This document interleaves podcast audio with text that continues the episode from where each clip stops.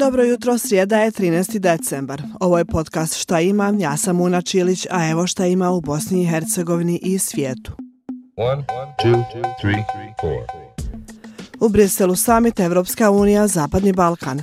Lideri se sastaju godinu dana nakon samita u Tirani, a ovo je prilika da se potvrdi perspektiva članstva u Uniji za zapadno-balkanske zemlje. Na samit putuje i predsjedavajući predsjedništva BiH Željko Komšić. Među glavnim temama razgovora biće produbljivanje političkog angažmana sa Zapadnim Balkanom, zatim približavanje zemalja Evropskoj uniji kao i izgradnji budućih ekonomskih temelja i ublažavanje uticaja Ruske invazije na Ukrajinu. A osim samita Uniju, ove sedmice čekaju i drugi važni događaj. Prvenstveno odluka o odobravanju otvaranja pristupnih pregovora sa Ukrajinom, Moldavijom, eventualno Bosnom i Hercegovinom, te odobravanje statusa kandidata za Gruziju.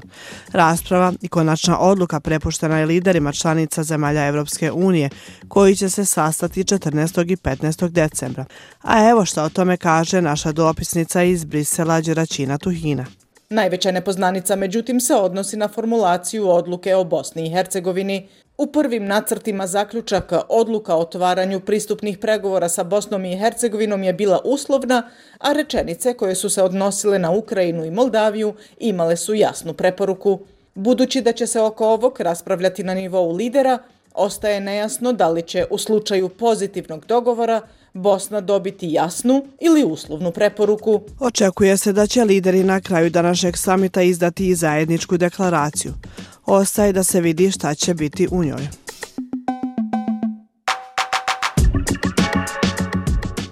Pred sudom Bosne i Hercegovine danas će biti izrečene dvije prvostepene presude za zločine počinjene u ratu u BiH. Prva presuda biće izrečena Milanu Tršiću, optuženom za zločine protiv čovječnosti. U optužnici se navodi da je Tršić u Bratuncu i to od aprila do oktobra 1992. godine vršio progon civilnog stanovništva bošnjačke nacionalnosti na nacionalno-etničkoj i vjerskoj osnovi.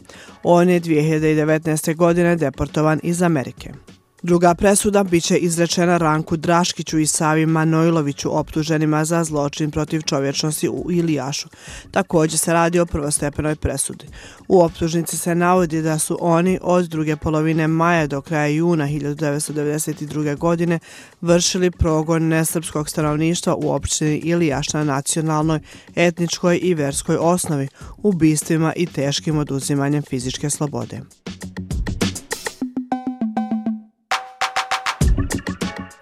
A u Švicarskoj globalni forum posvećen izbjeglicama. Prema podacima UNHCR-a širom svijeta ima 36,4 miliona izbjeglica. Forum koji se održava svake četiri godine najveći je međunarodni skup o izbjeglicama, a koji za cilj ima ublažavanje pritisaka na zemlje domaćina, povećanje pristupa rješenjima kao i povećanje samopouzdanja izbjeglica, ali i poboljšanju uslova u zemljama porijekla. Ovogodišnji forum zajednički organizuje pet država i to Kolumbija, Francuska, Japan, Jordan i Uganda. One, two, three, to je ukratko od mene za danas. Sretan ostatak dana. Čujemo se neki drugi put. Ćao!